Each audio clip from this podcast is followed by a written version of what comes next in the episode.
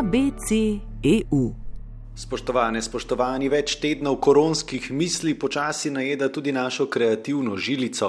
Saj ne da zmanjkuje birokratsko-žargonskih poimenovanj postopkov v Evropski uniji, ali redki postopki trenutno potekajo. Zanimivo pa je, da se je v tem obdobju siceršnjega zastoja v političnem, birokratskem in predvsem socialnem življenju znova ponudil v podrobno obdelavo Brexit.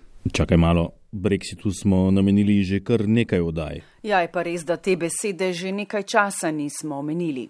A zato danes? Tako je, prostotrgovinski sporazum med Združenim kraljestvom in Evropsko unijo. Vse se hecam. Brexit. Predvidevam, da o tem govorimo zato, ker ta teden med Brusljem in Londonom poteka drugi krok pogajanj o odnosih po Brexitu, kar pomeni, da se je končal šele prvi krok teh pogajanj.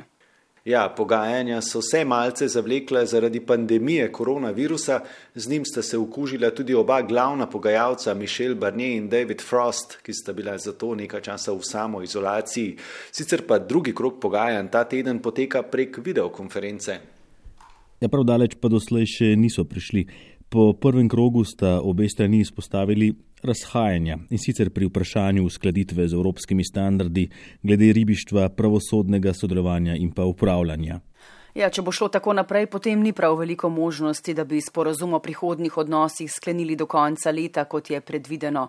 Tako da se vsaj zdi, da se bo to prehodno obdobje, v katerem smo, podaljšalo za leto ali dve, čeprav v Londonu vsaj uradno nočejo nič slišati o tem.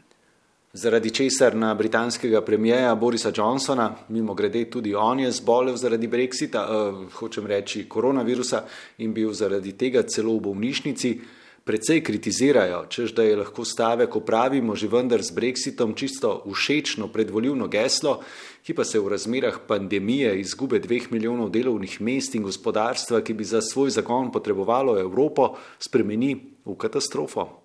In ko smo že pri Johnsonu in koronavirusu, se spomnite, kako se britanski premijer ob svojem odhodu iz bolnišnice zahvalil požrtvovalnemu zdravstvenemu osebju, pri čemer je poimensko navedel tudi dve medicinski sestri, ki sta v najbolj kritičnih razmerah dan in noč dežurali ob njegovi posteli.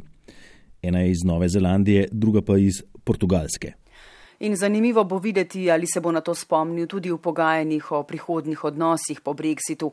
Namreč imigracija je eno izmed najbolj zahtevnih vprašanj.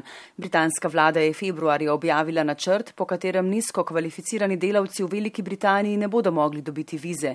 In je celo pozvala vse delodajalce naj se odrečejo poceni delovni sili iz Evropske unije in naj raje vlagajo naprimer v avtomatizacijo pa vendar je zdaj Britancem kar prav prišlo, da so z eno nogo še vedno v Evropski uniji, saj so hitro dobili poceni delovno silo iz Romunije, da pridejo pobirati solato in drugo zelenjavo.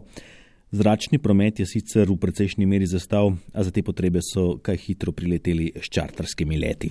Ja, potem, ko smo tudi v odajah ABC EU, ki jih mimo grede vse najdete v našem spletnem arhivu, veliko govorili o brexitu in se spraševali, kdaj se bo zgodil in ali se bo sploh zgodil. Zdaj nekako ugotavljamo, da se je brexit sicer res zgodil, tudi po drugi strani je videti, kot da se ni. Si mogoče upata napovedati, kakšne bodo razmere po koncu sedanjega prehodnega obdobja, torej od februarja prihodnje leto dalje?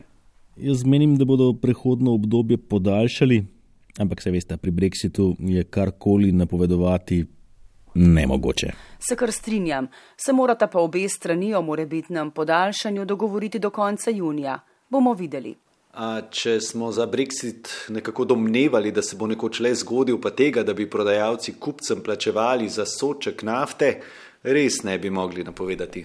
To je res. Včasih se pač zgodijo za res nepredvidljive stvari.